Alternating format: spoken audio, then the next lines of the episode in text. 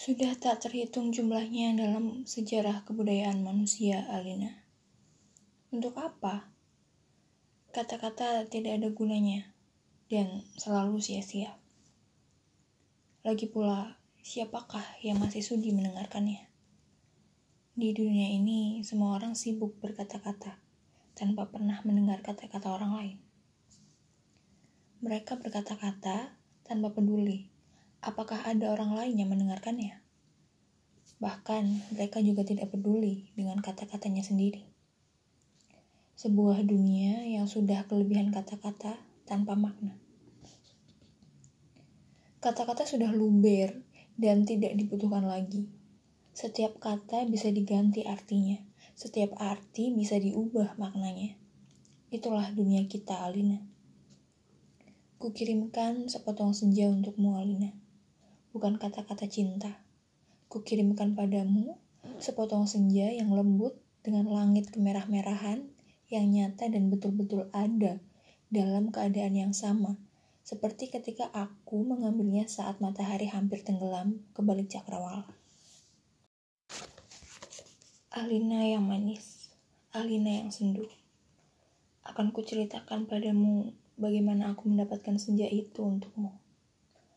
Sore itu aku duduk seorang diri di tepi pantai, memandang dunia yang terdiri dari waktu, memandang bagaimana ruang dan waktu bersekutu menjelmakan alam itu untuk mataku.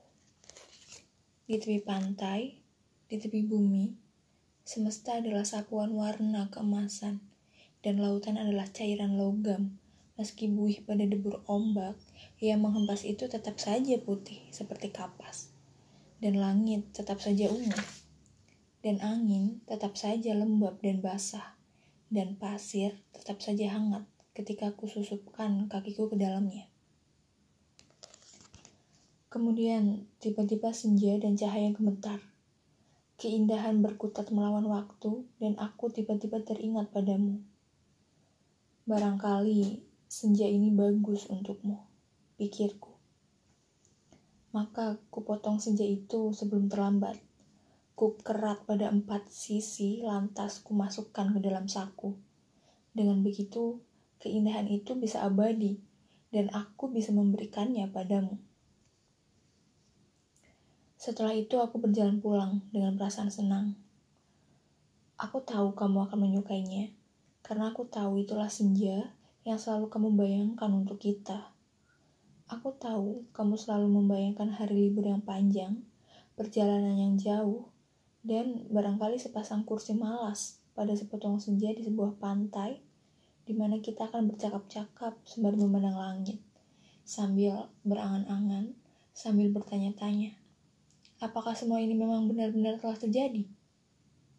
Kini, senja itu bisa kamu bawa ke mana-mana, Alina. Ketika aku meninggalkan pantai itu, kulihat orang-orang datang berbondong-bondong. Ternyata mereka menjadi gempar karena senja telah hilang. Kulihat cakrawala itu berlubang sebesar kartu pos. Alina sayang, semua ini telah terjadi, dan kejadiannya akan tetap seperti itu. Aku telah sampai ke mobil ketika di antara kerumunan itu kulihat seseorang menunjuk-nunjuk ke arahku. Dia, dia yang mengambil senja itu. Saya melihat dia mengambil senja itu. Kulihat orang-orang itu melangkah ke arahku. Melihat gelagat itu, aku segera masuk mobil dan tancap gas. Aku melejit ke jalan raya. Ku kebut mobilku tanpa perasaan panik. Aku sudah berniat memberikan senja itu untukmu dan hanya untukmu saja, Alina. Tak seorang pun boleh mengambilnya dariku. Cahaya senja yang keemas-emasan itu berbinar-binar di dalam saku. Aku merasa cemas, karena meskipun kaca mobilku gelap, tapi cahaya senja tentu cukup terang dilihat dari luar.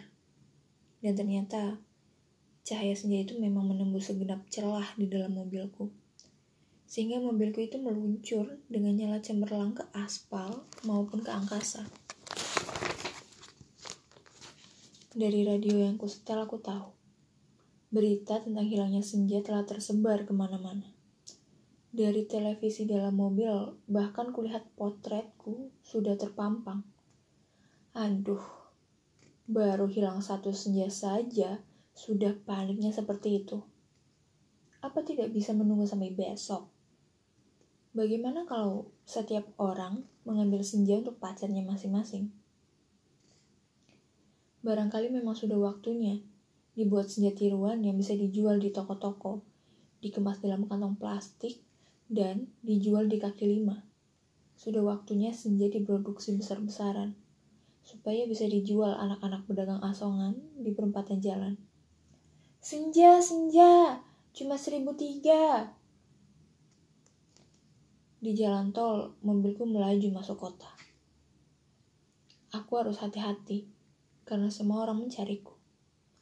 Sirene mobil polisi meraung di mana-mana. Cahaya kota yang tetap gemilang tanpa senja membuat cahaya keemasan dari dalam mobilku tidak terlalu kentara. Lagi pula di kota, tidak semua orang peduli apakah senja hilang atau tidak. Di kota kehidupan berjalan tanpa waktu tidak peduli pagi, siang, sore, atau malam. Jadi tidak pernah penting senja itu ada atau hilang. Senja cuma penting untuk turis yang suka memotret matahari terbenam. Boleh jadi hanya demi alasan itulah senja yang kubawa ini dicari-cari polisi. Sirene polisi mendekat dari belakang. Dengan pengeras suara, polisi itu memberikan peringatan. Pengemudi mobil Porsche abu-abu metalik nomor SG 19658A harap berhenti. Ini polisi. Anda ditahan karena dituduh telah membawa senja, meskipun tak ada aturan yang melarangnya tapi berdasarkan Aku tak sudi mendengarkannya lebih lama lagi. Jadi kulibas dia sampai terpental keluar pagar di tepi jalan. Ku tancap gas dan menyelip-nyelip dengan lincah di jalanan. Dalam waktu singkat, kota sudah penuh dengan sirine polisi. Terjadi kejar-kejaran yang seru. Tapi aku lebih tahu seluk-beluk kota. Jalanan dengan cahaya yang bermain warna. Gang-gang gelap yang tak pernah tercatat dalam buku alamat. Lorong-lorong rahasia yang hanya diperuntukkan bagi orang-orang di bawah tanah. Satu mobil terlempar di jalan layang. Satu mobil lain tersesat di sebuah kampung dan satu mobil lagi terguling-guling menabrak truk dan meledak lantas terbakar. Masih ada dua polisi bersepeda motor mengejarku. Ini soal kecil, mereka tak pernah bisa mendahuluiku. Dan setelah kejar-kejaran beberapa lama, mereka kehabisan bensin, dan pengendaranya cuma bisa memaki-maki. Kulihat senja dalam saku bajuku. Masih utuh.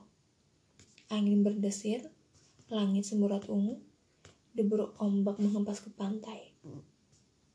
Hanya pada mula senja ini kuserahkan Alina. Tapi Alina, polisi ternyata tidak sekonyol yang kusangka. Di segenap sudut kota, mereka telah siap siaga. Bahkan aku tak bisa membeli makanan untuk mengisi perutku. Bahkan di langit tanpa senja, Helikopter mereka menyorotkan lampu ke setiap celah gedung bertingkat. Aku tersudut dan akhirnya nyaris tertangkap. Kalau saja tidak ada gorong-gorong yang terbuka. Mobilku sudah kutinggal ketika memasuki daerah kumuh itu. Aku berlari di antara gedung, rumah tua, tiang, serta tali temali. Terjatuh di atas sampah, merayapi tangga-tangga reot, sampai seorang gelandangan menuntunku ke suatu tempat yang tak akan pernah kulupakan dalam hidupku. Masuklah, katanya tenang. Di situ kamu akan aman. Ia menunjuk gorong-gorong yang terbuka itu. Ada tikus keluar dari sana. Baunya bacin dan pesing. Ku tengok ke bawah, lalu kulihat kelelawar bergantungan. Aku ragu-ragu namun deru helikopter dengan lampu sorotnya yang mencari-cari itu melenyapkan keraguanku. Masuklah, kamu tidak punya pilihan lain. Dan gelandangan itu mendorongku. Aku terjerembab, jatuh, dan busuknya bukan main. Gorong-gorong itu segera tertutup dan ku dengar gelandangan itu merubahkan diri di atasnya.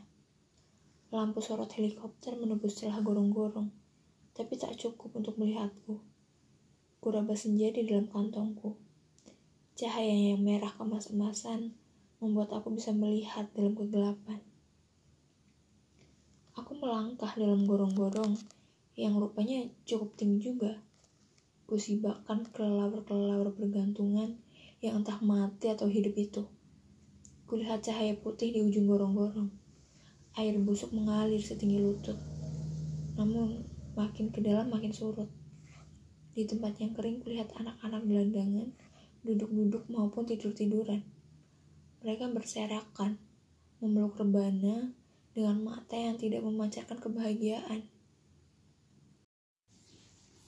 Aku berjalan terus melangkahi mereka dan mencoba bertahan. Betapapun, ini lebih baik daripada aku harus menyerahkan senja Alina. Di ujung gorong-gorong, di tempat cahaya putih itu, ada tangga menurun ke bawah. Kuikuti tangga itu. Cahaya semakin terang dan semakin benderang. Astaga, kamu boleh tidak percaya, Alina.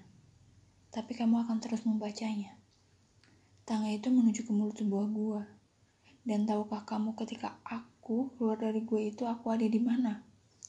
Di tempat yang sama persis dengan tempat di mana aku mengambil senja itu untuk Moalina. Sebuah pantai dengan senja yang bagus, ombak, angin, dan kepak burung. Tak lupa cahaya keemasan dan bias ungu pada mega-mega yang berarak bagaikan aliran mimpi. Cuma saja tidak ada lubang sebesar kartu pos. Jadi, meskipun persis sama, tapi pasti bukan tempat yang sama. Tempatnya saja di dalam gorong-gorong. Aku berjalan ke tepi pantai, tenggelam dalam guyuran alam yang perawan. Nyiur tentu saja. Matahari dan dasar lautan yang bening dengan lidah ombak yang mendesis-desis. Tak ada cottage, tak ada barbecue, tak ada marina. Semua itu memang tidak perlu Senja yang bergetar melawan takdir membiaskan cahaya keemasan ke tepi semesta. Aku sering malu sendiri melihat semua itu, Alina. Apakah itu mungkin diterjemahkan dalam bahasa? Sambil duduk di tepi pantai, aku berpikir-pikir. Untuk apakah semua ini kalau tidak ada yang menyaksikannya? Setelah berjalan ke sana kemari, aku tahu kalau dunia dalam gorong-gorong ini kosong melompong. Tak ada manusia, tak ada tikus, apalagi dinosaurus, hanya burung yang berkepak. Tapi ia sepertinya bukan burung yang bertelur dan membuat sarang. Ia hanya burung yang dihadirkan sebagai ilustrasi senja. Ia hanya berkepak dan berkepak terus di sana. Aku tak habis pikir, Alina. Alam seperti ini dibuat untuk apa? Untuk apa senja yang bisa membuat seseorang kepengen jatuh cinta jika tidak ada seekor dinosaurus pun menikmatinya? Sementara di atas sana, orang-orang ribut kehilangan senja. Jadi, begitulah Alina. Ku ambil juga senja itu. Ku kerat dengan pisau Swiss yang selalu ku bawa pada empat sisinya.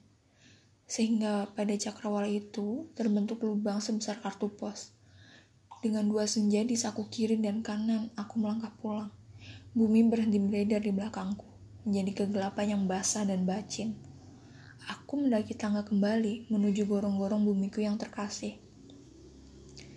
Sampai di atas, setelah melewati kelelawar bergelantungan, anak-anak gelandangan berkaparan, dan air setinggi lutut, kulihat polisi-polisi berhelikopter sudah pergi. Gelandangannya menolongku, sedang tiduran di bawah tiang listrik sambil meniup saksofon. Aku berjalan mencari mobilku, masih terparkir dengan baik di supermarket. Tampaknya bahkan baru saja dicuci.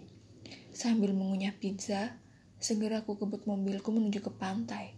Dengan dua senja di saku kiri dan kanan, lengkap dengan matahari, laut, pantai, dan cahaya keemasannya masing-masing. Mobilku bagi memancarkan cahaya ilahi. Sepanjang jalan layang, sepanjang jalan tol, ku tancap gas dengan kecepatan penuh. Alina kekasihku, pacarku. wanitaku, kamu pasti sudah tahu apa yang terjadi kemudian. Kupasang senja yang dari gorong-gorong pada lubang sebesar kartu pos itu, dan ternyata pas. Lantas, kukirimkan senja yang asli ini untukmu lewat pos. Aku ingin kamu mendapatkan apa yang kulihat pertama kali.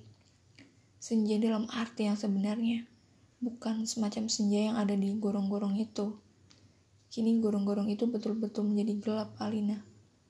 Pada masa yang akan datang, orang-orang tua akan bercerita pada cucunya tentang kenapa gorong-gorong menjadi gelap.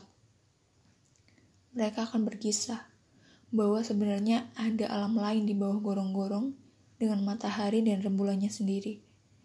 Namun semua itu tiada lagi, karena seseorang telah mengambil senja untuk menggantikan senja lain di atas bumi.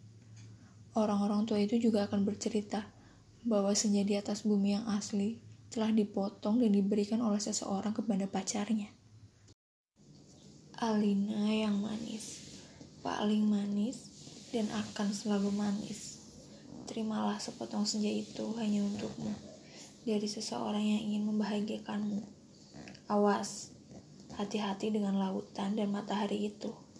Salah-salah cahayanya membakar langit, dan kalau tumpah airnya bisa membanjiri permukaan bumi. Dengan ini, kukirimkan pula kerinduanku padamu. Dengan cium, peluk, dan bisikan terhangat dari sebuah tempat yang paling sunyi di dunia.